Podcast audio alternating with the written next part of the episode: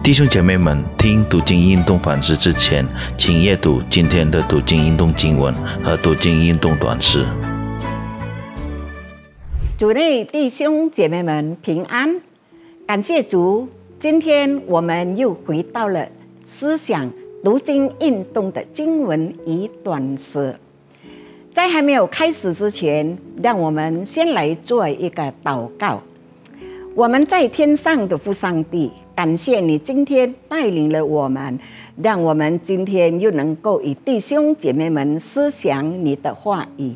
主啊，我们都知道我们都是软弱的，我们求主你能够差派圣灵的同在，保守看顾我们的一切，让我们能够听明白、懂得要一起分享的经文。感谢主，你也是给了我们平安与健康，让我们今天能够一起思想你的话。感谢主，让我们今天的祈求祷告，我们都奉靠了的主耶稣得胜的圣名而求的。阿门。弟兄姐妹们，今天我们的讲题是暴风雨中伟大的上帝，是起自诗篇二十九篇。诗篇二十九篇呼召邀请神的众子耶和华的百姓来以敬畏的心观赏神在大自然中可畏的能力，以万物一起把荣耀归给耶和华以色列的神。让我们先来读一段的经文：诗篇二十九篇。诗篇二十九篇第一节。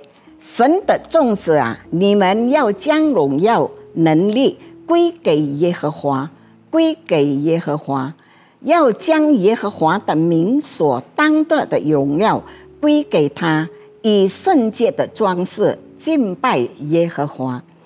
耶和华的声音画在水上，荣耀的神打雷，耶和华打雷在大水之上。耶和华的声音大有能力。耶和华的声音满有威严。第四节，洪水泛滥之时，耶和华坐作为王。耶和华坐作为王，这道容也。耶和华必是力量给他的百姓，耶和华必是平安的福给他的百姓。弟兄姐妹们，二零一三年五月二十日。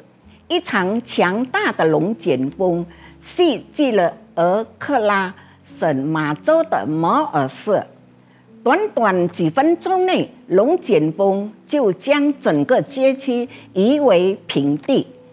这样一场风暴所发出的能量强度，是在与惊人、惊心动魄的。依照几位专家们所估计，自 E.F。五 G 的龙卷风威力比投在广岛的原子弹还要强大六百倍。诗篇二十九篇赞美上帝超凡的大能力，他可畏的能力就像狂暴的风暴，就是雷暴一般，透过最维系的大自然现象。听到了雷鸣般上帝的声音，便是上帝正彰显他荣耀和威严的时候。这情景令人恐惧和不安，因为如此庞大的威力是已造成巨大的损害。大卫为什么要用风暴来宣告上帝的伟大能力呢？首先。诗篇的作者宣称，耶和华是超乎异常之上的上帝，他超乎过迦南人所崇拜的风暴之神巴利。风暴是指巴利的愤怒、威胁和侵扰人类的生活。然而，在上帝掌控下的风暴能力，却能体现他的主权，显明。连大自然也顺服于他。圣经的作者并不把大自然的现象当作侵扰、带来的问题的，因为风暴是上帝他自己所创造的，目的要彰显他的大能、智慧、荣耀、权柄和圣洁。事实上，在上帝彰显大能的同时，但还把自己的生命交托给上帝的信徒，是得到了平安的福。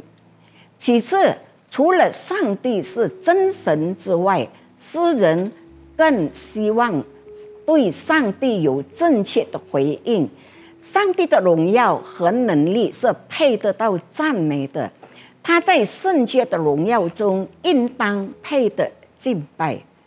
大卫在第三到第九节描述了可怕的暴风以后的迹象，他的声音在大水上如雷鸣，将森林中的树木震破、折断并震碎，撼动了群山，震动了旷野，甚至是怀胎怀胎中的母鹿产下了幼崽。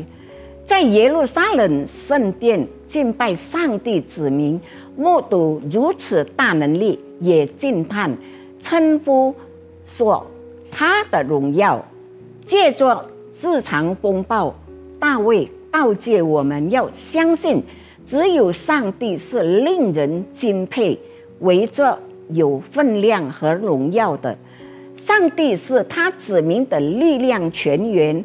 上帝的力力量足以赋予我们对抗生活中的风暴，使我们拥有平安的福。诗篇二十九篇一开始提到了要将能力归于耶和华，在最后的时候，他的力量要赐给他的百姓。猛烈的雷暴会过去，但是神的能力永永存。这首诗篇使我们铭记了圣洁真神那令人敬畏的大能。你是否正面对生命中强大的风暴，需要上帝的力量呢？